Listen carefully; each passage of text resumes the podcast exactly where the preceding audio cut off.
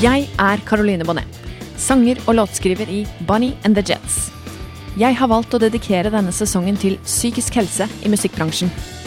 Ifølge den svenske psykiateren Johan Kullberg er anlegg for psykisk sykdom koblet til kreativitet. Flere studier har vist at det er vanligere med psykiske lidelser blant kunstnere, forfattere og musikere. For meg er det viktig å være åpen om psykiske utfordringer. Jeg ønsker å belyse temaet i en bransje som kan være vanskelig å manøvrere seg gjennom, og hvordan tilstrebe god psykisk helse. Jeg kommer til å snakke med mange forskjellige spennende og interessante folk som har kjent på at livet kan by på utfordringer. Velkommen tilbake. Dette er hashtag bransjen. Velkommen til monologepisode. Det er litt sånn snodig å sitte her uh, uten gjest i sofaen, jeg må innrømme det. Men uh, jeg har trua på at det skal gå greit. Som dere vet, sesong fem har jo da fokus på psykisk helse i musikkbransjen. Og vi er godt i gang, og jeg syns jo vi har vært innom mange spennende temaer til nå. Vi har snakka om angst, alkoholisme, krav på sykepenger som frilanser, det å finne balanse, og så videre og så videre. Jeg har snakka med mange kloke og modige gjester som har fortalt om sine erfaringer og så må jeg bare få lov til å si at jeg syns det er veldig stas å få snakke, synse og reflektere rundt den rare og finurlige musikkbransjen. Og jeg føler meg privilegert som får møte og skravle med så mange fine folk, og at så mange setter pris på å lytte til samtalene. Og så vil jeg også benytte anledningen til å takke NOPA for eh, støtten de har eh, gitt til innspilling av denne sesongen. Det er veldig satt pris på. Takk igjen. Som både artist og psykiatrisk sykepleier så kan man jo si at jeg har et bein i begge leire. Og det er viktig for meg at vi er åpne om psykiske utfordringer, og jeg syns jo vi som samfunn har uh, blitt bedre på det. Og jeg har ikke for intensjon å fremme sånn at alle til enhver pris skal kunne kalle seg for syk, men for å opplyse, inspirere og ufarliggjøre psykisk sykdom, og skape innsikt og forståelse. Det har jo veldig lenge vært et tabu rundt det å ha en psykisk lidelse og eller utfordring, og det er jo kanskje også i visse sammenhenger fortsatt sånn, dessverre, og jeg har et ønske og håp om at jeg kanskje kan være med å bidra til å minske dette. Psykisk lidelse eller sykdom har nok alltid eksistert og har egentlig historisk sett vært prøvd dyssa ned og vært prega av skam og tabu, og psykiatriens historie i Norge og mange andre land er et mørkt kapittel, og vi har heldigvis bevega oss i riktig retning når det kommer til humanitet og verdighet. For som jeg sier i introen, så påsto den svenske psykiateren Johan Kullberg at det å være sårbar for å utvikle psykisk sykdom er kobla til kreativitet. Det er altså flere studier som har vist at det er vanligere med psykiske lidelser blant kunstnere, forfattere og musikere. For å sette en felles betegnelse på denne mennesketypen, kan man kanskje si folk som skaper noe. Blant de mest kjente sånn rent historisk som har hatt et, eh, et såkalt utfordrende sinn, som jeg er sikker på at alle har hørt om, så har vi da Ernest Hemingway, Henrik Wergeland, Vincent van Gogh og Edvard Munch. Sistnevnte skal visstnok ha sagt Min kunst har vært en selvbekjennelse. Den har vært som radiotelegrafistens varselstelegrammer fra det synkende skip. Jeg har likevel følelsen av at livsangsten er en nødvendighet for meg, liksom sykdommen. Uten livsangst og sykdom ville jeg ha vært som et skip uten ror. Ifølge Munchs venn og huslege professor Sebreiner skal Munch ha uttalt at sykdom, galskap og død var de engler som sto vakt ved min vugge og siden har fulgt meg gjennom livet. Ernst Josefsson var en kjent svensk maler fra 1800-tallet som også var schizofren, og levde mesteparten av sitt voksne liv på psykiatriske institusjoner. Han hevdet at kunsten ble frigjort nettopp i overgangen til galskap. Kanskje er det noe sannhet i det Ernst Josefsson sa. For man skal jo ikke stikke under en stol at noen av de mest geniale musikerne, komponistene og kunstnerne for den saks skyld, har slitt med psykisk sykdom. Og siden vi nå befinner oss i nettopp musikkbransjen, så har jeg valgt å snakke litt om tre ulike musikere som har hatt sine psykiske utfordringer, men som navn er skrevet i historiebøkene først og fremst på grunn av deres musikalske genialitet. Rocky Eriksson, Sid Barrett og Brian Wilson. De er alle tre legender, men det er kun sistnevnte som lever den dag i dag. Jeg har lyst til å snakke litt om deres betydning i musikkhistorien, og hvordan deres psykiske tilstand har vært til stede kanskje hele livet, og hva det har hatt å si for dem og omgivelsene. Historiene er sikkert kjent for mange av dere som hører på, men likevel har jeg lyst til å snakke om det i denne episoden. Vi starter med Rocky Eriksen, født i 1947 i Dallas, Texas.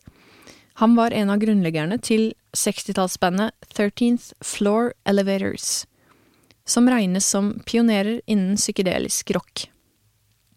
Fun fact Janis Joplin hun vurderte på et tidspunkt å bli med i denne gruppa, men gjorde aldri det, da. Rocky han var låtskriver, vokalist og gitarist, men spilte også piano og munnspill. I 1968 så ble han under en spillejobb eh, observert i å plutselig snakke visvas og ble oppfatta som psykotisk, og deretter lagt inn på et psykiatrisk sykehus. Det var i Houston, og der fikk han diagnosen paranoid schizofreni. Han ble under tvang gitt elektrosjokkbehandling. Bandet hans, The Elevators, var forkjempere for både marihuana og psykedelika, og var derfor under lupen til politiet. I 1969 ble han arrestert for bruk av marihuana, og endte opp på mentalsykehus i stedet for å få ti års fengsel, som det var sannsynlig at han ville bli dømt til. Han prøvde å rømme flere ganger fra sykehuset, og endte opp med å bli flyttet til et annet sykehus hvor han ble utsatt for enda flere tvangsbehandlinger. Utrolig nok klarte han å opprettholde sin kreativitet i form av låt- og diktskriving innenfor sykehusets vegger. Familie og venner de klarte å smugle ut dikt som de publiserte i 1972 gjennom boka Openers med hensikt i å bruke inntektene til å skaffe Rocky en advokat. I 1974 kom han endelig ut i friheten og starta et nytt band som han kalte for Blieb Alien, som oversatt fra tysk betyr Remain Alone. De hadde en mer hardrock approach, og gikk vekk fra det psykedeliske som The Elevators ble kjent for. Bandet endret senere navn til Rocky Eriksen and The Aliens. Apropos aliens, så påsto han hardnakka i 1982 at en marsboer hadde bebodd kroppen hans. Det var derfor han følte at mennesker angrep ham psykisk. En god venn av Rocky ble naturlig nok bekymra, og verva en offentlig protokollfører, og var vitne til en offentlig uttalelse fra Eriksen på dette han håpet ved å erklære så offentlig at han ville være i tråd med alle internasjonale lover han måtte ha brutt. Eriksen hevdet at angrepene så faktisk stoppet. Fra 1980-tallet så utvikla Eriksen en årelang besettelse av posten, og han brukte ofte timer på å lete etter tilfeldig søppelpost han mottok, og han skrev til advokater og kjendiser, både døde og levende. Han ble arrestert i 1989, anklaga for posttyveri, for å da angivelig ha samla post fra postkassene til naboer som hadde flytta. Eriksen samla posten og teipet den til veggene på soverommet hans. Anklagene ble henlagt da Eriksen insisterte på at han aldri hadde åpna noe av posten. Sumner Eriksen, Rockys bror, fikk lovlig verge over Rocky i 2001 og hjalp ham i medisinske og juridiske floker, blant annet med tanke på kontrakter han hadde skrevet under på som hadde redusert royalty-utbetalinger og gjorde at han hadde mista en del av sine rettigheter på sine innspilte verk. I tillegg begynte han å ta medisiner for sin schizofrenidiagnose, noe som viser seg å gjøre at han håndterte sykdommen bedre. Selv om han hadde spilt inn en del ting, så var det, som du sikkert har skjønt, meget kaotisk å være Rocky Eriksen på 80-90-tallet, som også førte til at hans musikervirksomhet var tidvis begrensa.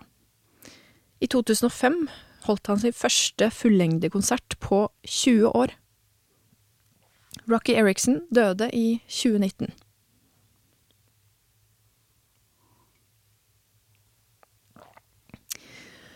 Roger Keith Barrett, bedre kjent som Sid Barrett, født i Cambridge, England i 1946, var i 1965 med å grunnlegge et av de mest legendariske bandene noensinne, nemlig Pink Floyd. Barrett var deres originale frontmann og primære låtskriver. Som gitarist var han innflytelsesrik og kjent for sitt frie spill og for å bruke effekter som dissonans, forvrenging og ekko. Han var faktisk opprinnelig utdanna maler og var musikalsk aktiv i mindre enn ti år. Med Pink Floyd spilte han inn fire singler og deres debutalbum The Piper at the Gates of Dawn fra 1967, og deler av deres andre album A Saucerful of Secrets fra 68 og flere uutgitte sanger. I 1967–68 ble Barrett stadig mer uberegnelig i sin atferd og hadde et ukritisk inntak av psykedeliske stoffer. I utgangspunktet ble han beskrevet som en gladgutt som var vennlig og utadvendt, men etter hvert ble han mer og mer tilbaketrukket, hadde store humørsvingninger ble deprimert, opplevde hallusinasjoner, fikk hukommelsessvikt og ble uorganisert i talen. Venner beskriver at det toppet seg da han kom tilbake fra en helgetur som en helt annen person. Han ble beskrevet med tomt blikk og døde øyne. Han kjente ikke igjen venner og visste ikke hvor han var. Han gjorde bisarre ting på scenen, som å avstemme gitaren sakte, men sikkert under konsert, eller å glemme å ta med gitaren på øving, videre. Han ble erstatta flere ganger under Pink Floyds UK-turné med Jimmy Henriks november 67. David Gilmore ble spurt om å være med som andregitarist for å dekke over Barretts ujevne performance, og vi vet jo hvordan det endte. I april 1968 så de andre medlemmene av bandet seg nødt til å sparke Barrett. De var overbevist om at han hadde en alvorlig psykisk lidelse og var slitne av hans overdrevne og ukritiske bruk av psykedeliske stoffer.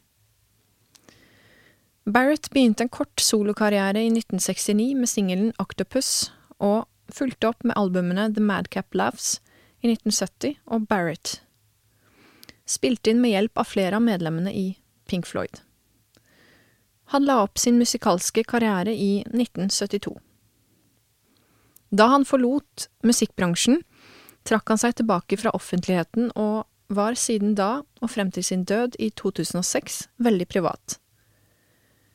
Mye av Pink Floyds musikk er trolig mynta på det tidligere medlemmet, inkludert låta Shine On You Crazy Diamond fra 1975, og det er lett å også tenke seg til at mye av handlingen i rockeoperaen The Wall fra 1979 er inspirert av Barretts atferd. I 1988 ga EMI ut et album med utgitte spor og outtakes, Opel, med Barretts godkjenning.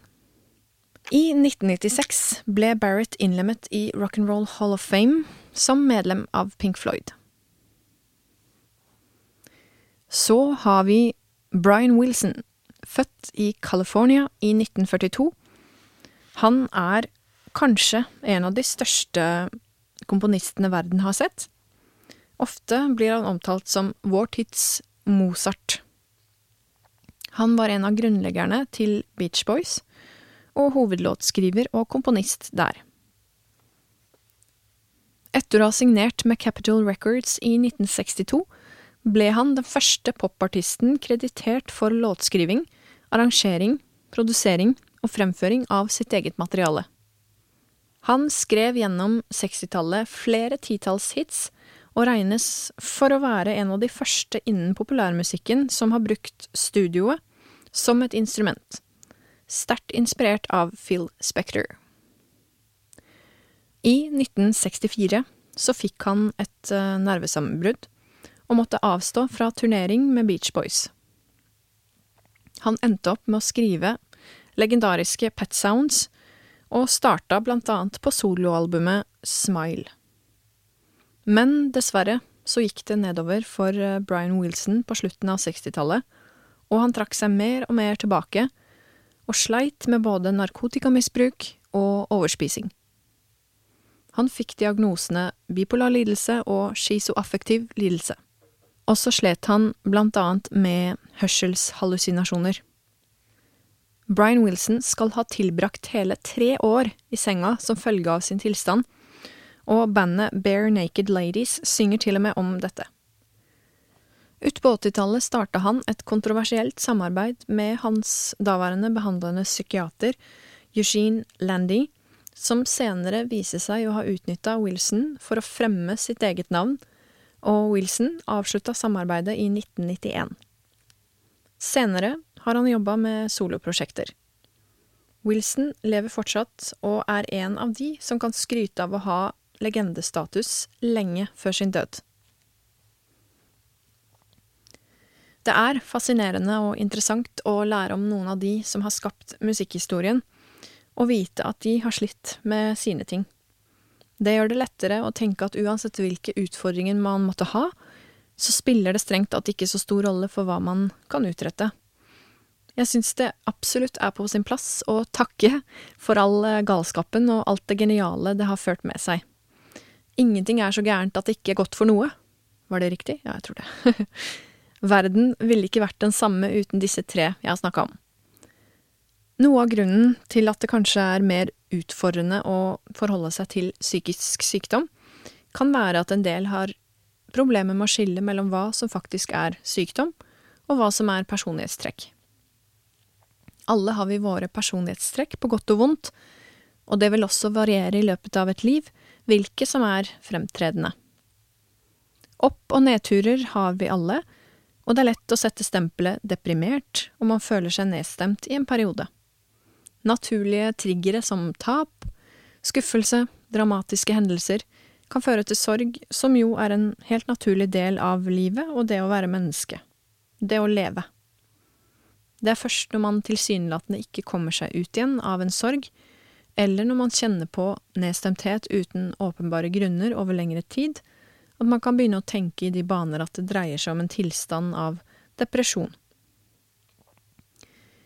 Jeg tenker at mye av det som gjør oss kunstnere og formidlere eller historiefortellere til betydningsfulle for andre, er at vi rører ved følelsene til folk.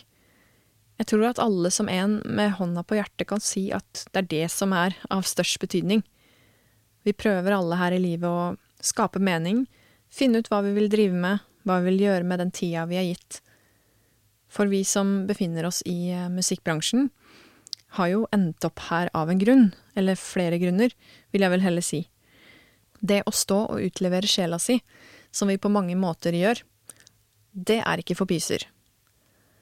Når man i tillegg bruker masse tid og energi på alt rundt, det være seg logistikk, administrering, promotering, booking, bæring og øving, pluss, pluss, pluss, så er det ikke rart at mange utenforstående vil eh, kalle det for galskap. Det er som jeg har reflektert med mange venner og kjente om, at det er et indre driv, en lidenskap, som ligger til grunn for denne galskapen. Vi som artister har ofte et følsomt sinn, noe som er med på å gjøre vår persepsjon av omgivelsene, verden, kanskje mer ufiltrert, som igjen kan inspirere til gode, kreative økter.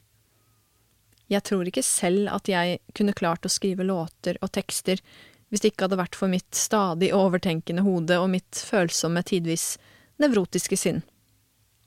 Vi klarer på sett og vis å verbalisere og tonegi følelser som andre kan kjenne seg igjen i.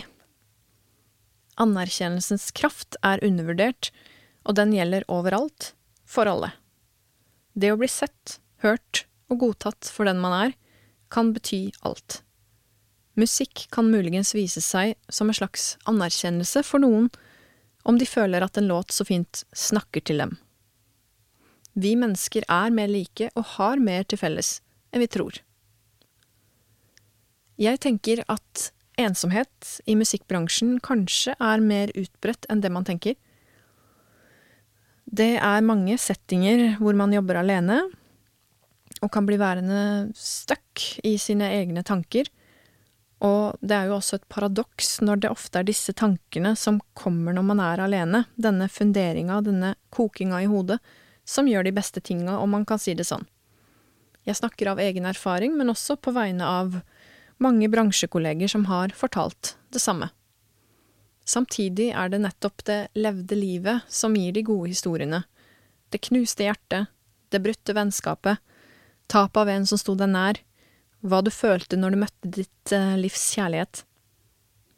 Alle disse opplevelsene er noe vi kunstnere og skapere fordøyer, eller lettere sagt, får ut av systemet på en annen måte enn en del andre.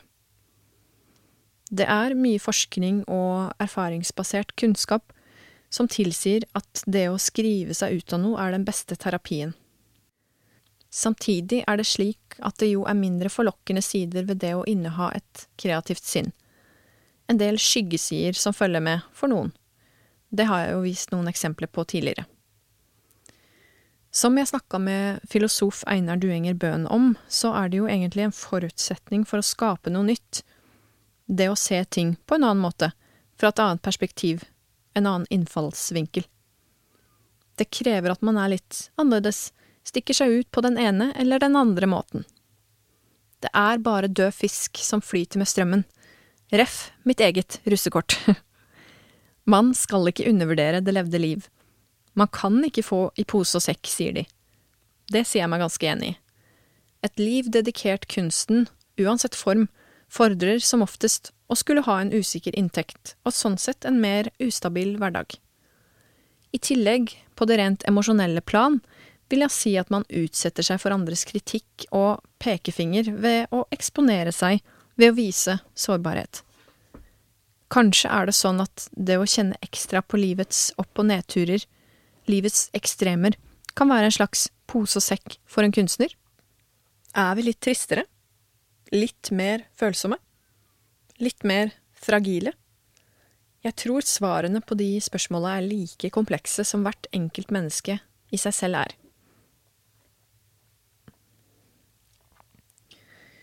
Men det at det sannsynligvis finnes flere nevroser blant de som skaper noe, enn i det å gjøre noe på automatikk, er vel udiskutabelt. De aller fleste låtskriverne jeg har snakka med, forklarer en slags udefinerbar skapertrang. Et slags ufornektelig driv som gjør at noe må ut. Som kollega og venn Frode Johansen så fint sa det, jeg føler ikke det er noe valg å være artist eller låtskriver, det er bare sånn det måtte bli. Det syns jeg var godt sagt, og det tror jeg er noe mange kan kjenne seg igjen i. Kall det en slags skjebne om du vil. Eller driveplikt, som min kjære pleier å si. Som låtskriver blir man en slags observatør til både sitt eget liv, andres liv og opplevelser.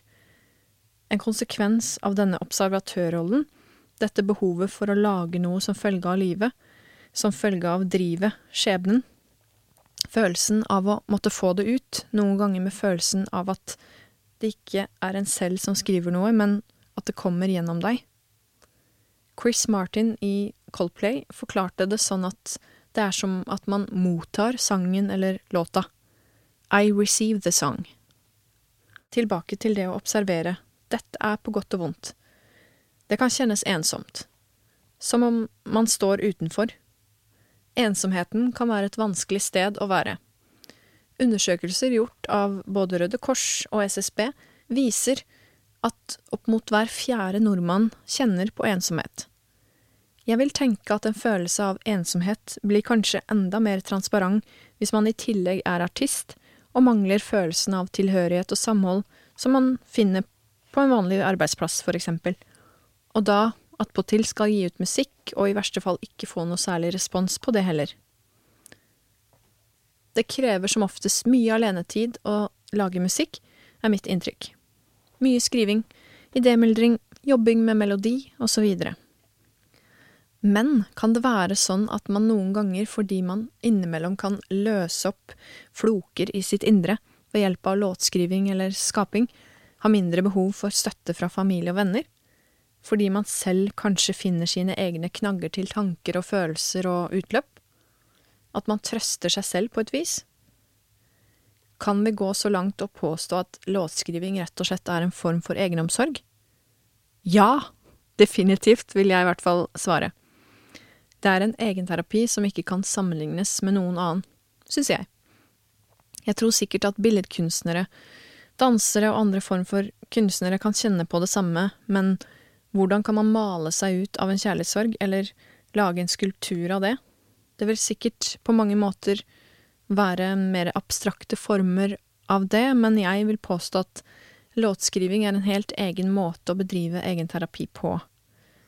Man kan på en helt unik måte verbalisere det som skal ut. Men det trenger nødvendigvis ikke å ha en direkte sammenheng med sin egen erfaring, det er jo ofte en kombinasjon av egne erfaringer gjort og inspirert av andres. Noen ganger trenger det heller ikke å ha så mye rot i virkeligheten. At man bygger en historie på en situasjon som har gjort inntrykk, og drodler videre på dette. Man nærer på en måte sitt inntrykk til å bli noe eget. Jeg tror absolutt det er mye i det jeg sier i den gamle introen til podden. Eksentrikere, nevrotikere og alle slags snodige outcasts. Man er vel egentlig dømt til å være en raring på en eller annen måte når man skaper ting. Men rar er jo egentlig noe positivt, for eh, det er jo på engelsk rare, som betyr sjelden. Takk for at du lytter eh, på hashtag bransjen. Ha en super dag videre.